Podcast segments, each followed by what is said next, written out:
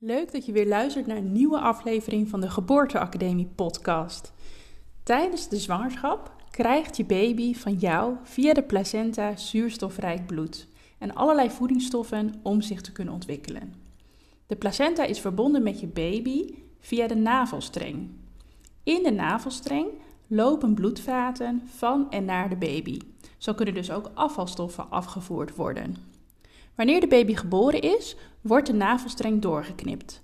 Het stukje navelstreng wat dan aan de baby vast blijft zitten, moet worden afgeklemd zodat de baby geen bloed verliest.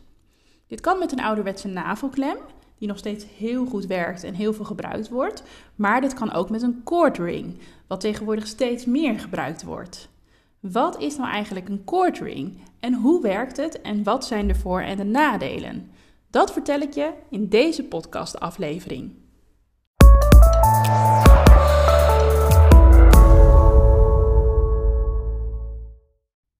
Een ring is een klein strak ringetje wat om de navelstreng geplaatst wordt. Het is meestal gemaakt van natuurrubber, latex dus, maar er zijn ook latexvrije koordringen verkrijgbaar. Het is een alternatief voor de navelklem.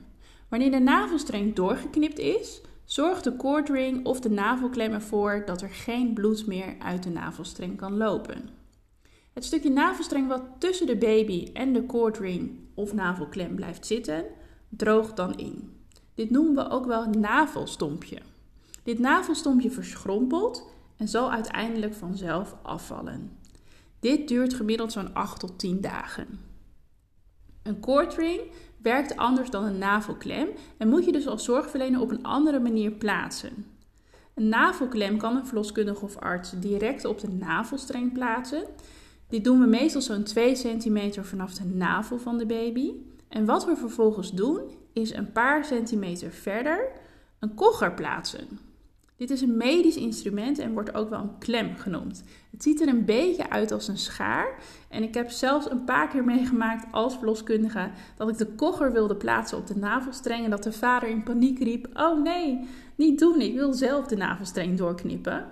Nou, ik zou natuurlijk nooit een navelstreng doorknippen zonder het eerst aan de partner of de moeder te vragen of ze dat zelf willen doen. Maar gezien het uiterlijk van de kogger snap ik de verwarring. Maar goed, even terug. Als de navelklem en de kogger geplaatst zijn, dan kan de navelstreng dus doorgeknipt worden. Een koordring moet eerst om een gesloten kogger geschoven worden. Daarna kan de kogger open en op een paar centimeter van de navel van de baby op de navelstreng geplaatst worden. Weer een paar centimeter verder wordt een andere kogger geplaatst. En tussen deze twee koggers in kan de navelstreng doorgeknipt worden. Zodra deze is doorgeknipt, kan de verloskundige of arts met behulp van het handvat wat aan de koordring vastzit, de koordring over de kogger heen trekken. Het is namelijk elastisch. Vervolgens zit de koordring dus om de navelstreng heen.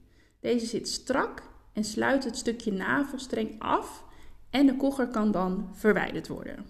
Het stukje handvat wordt daarna afgeknipt, zodat alleen een klein ringetje overblijft. Maar waarom zou je nou eigenlijk kiezen voor een koordring? Nou, ik vind persoonlijk het grootste voordeel dat het er wat babyvriendelijker uitziet. Het is gemaakt van zacht materiaal. Ja, en helaas kunnen we natuurlijk niet vragen aan een baby of hij of zij last heeft van een navelklem, maar het ziet er minder comfortabel uit dan een koordring. Een navelklem is van hard plastic gemaakt en is ongeveer 5 cm lang en 1 cm breed. En dit blijft dus totdat het navelstompje afvalt tussen de huid van je baby en de luier of het rompertje zitten. Vaak dus wel de hele kraamweek. Daarnaast is het ook nog eens beter voor het milieu omdat het bijna altijd gemaakt is van natuurrubber, die cordring. En de navelklem die is dus gemaakt van hard plastic. Dit is dus wat meer belastend voor het milieu. Dus mocht je er al van houden om juist wat meer duurzame producten te kopen voor je baby, dan kan de keuze van een cord ring in plaats van een navelklem ook logisch zijn. Maar zitten er ook nadelen aan een cord ring? Nou, over het algemeen vinden de zorgverleners dat er niet echt nadelen aan vastzitten. Heel veel zorgverleners in de geboortezorg zijn erg enthousiast over de cord ring. Toch zijn er wel enkele nadelen te noemen. Zo kan het zijn dat een ring minder geschikt is omdat je baby een hele dikke of juist een hele dunne navelstreng heeft. Dan kan het zijn dat de navelklem het navelstompje toch wat beter afsluit. En ook kan het zijn dat je zorgverlener er nog geen ervaring mee heeft, omdat het nog wat nieuwer is. Ehm, en het kan zijn dat je niet standaard meegeleverd krijgt in het kraampakket. In het kraampakket zit vaak nog een ouderwetse navelklem. Het indrogen van het navelstompje zou ook iets langer kunnen duren bij een cord ring. Maar eigenlijk zijn de meeste geboortezorgprofessionals het erover eens: een cord ring gebruiken is even veilig als een navelklem.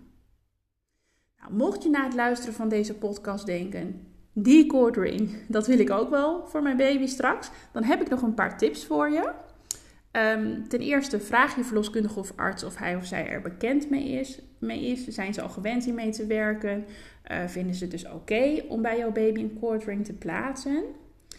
Ehm, als je in het ziekenhuis wilt bevallen, is het goed om te vragen of ze daar al standaard met een cord ring werken in plaats van een navelklem. Sommige ziekenhuizen hebben zelf cordringen in huis en die hoef je dus niet zelf te kopen en dus ook niet mee te nemen als je in het ziekenhuis wilt bevallen. En check ook even wat er in je kraampakket zit als je deze krijgt van je zorgverzekeraar. Meestal zit er een navelklem in en dan moet je dus zelf een cordring bestellen. Leg de cordring uh, alvast klaar bij het kraampakket wanneer je thuis wilt bevallen en doe de cordring in de tas die je meeneemt naar het ziekenhuis als je daar gaat bevallen. Let wel op als je uh, van tevoren de intentie hebt om thuis te bevallen, maar tijdens de bevalling word je overgedragen naar het ziekenhuis om wat voor medische reden dan ook. Dan moet je de cordring dus nog wel in de tas doen en niet vergeten mee te nemen. Tot slot wil ik je nog als tip geven dat je een cordring vaak kunt kopen bij een verloskundige praktijk voor ongeveer 3 euro of 3 tot 4 euro. En als zij hem niet verkopen, dan kan je deze ook online bestellen. Je kunt natuurlijk zelf even googlen of uh, je kunt op de link in de beschrijving van deze podcast klikken en daarmee kan je hem ook bestellen. Nou, ik hoop dat ik zo je vragen rondom de coaching heb kunnen beantwoorden. En ik hoop dat je hiermee een keuze kunt maken of je deze wilt gebruiken voor jouw baby bij de bevalling. Ik heb zelf als verloskundige zo'n 700 bevallingen mogen begeleiden. Ben je benieuwd naar mijn beste tips voor jouw bevalling? Volg dan mijn gratis webinar. Via de link in de beschrijving kun je je gratis aanmelden.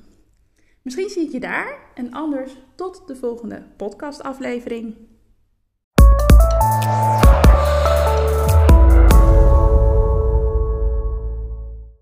Ik heb met mijn bedrijf een missie en dat is mensen inspireren, zodat ze zich gaan voorbereiden op de bevalling. Het is niet mijn missie om iedereen mijn eigen cursus te laten volgen. Ik hoop dat ik jou door middel van deze podcast inspireer. Alle informatie en verhalen die gedeeld worden, kunnen natuurlijk een heel andere situatie schetsen dan jouw situatie. Je kunt altijd met vragen bij jouw verloskundige of gynaecoloog terecht. Wil je graag goed voorbereid zijn, maar geen zweverige puffclub volgen? Ga dan naar www.degeboorteacademie.nl.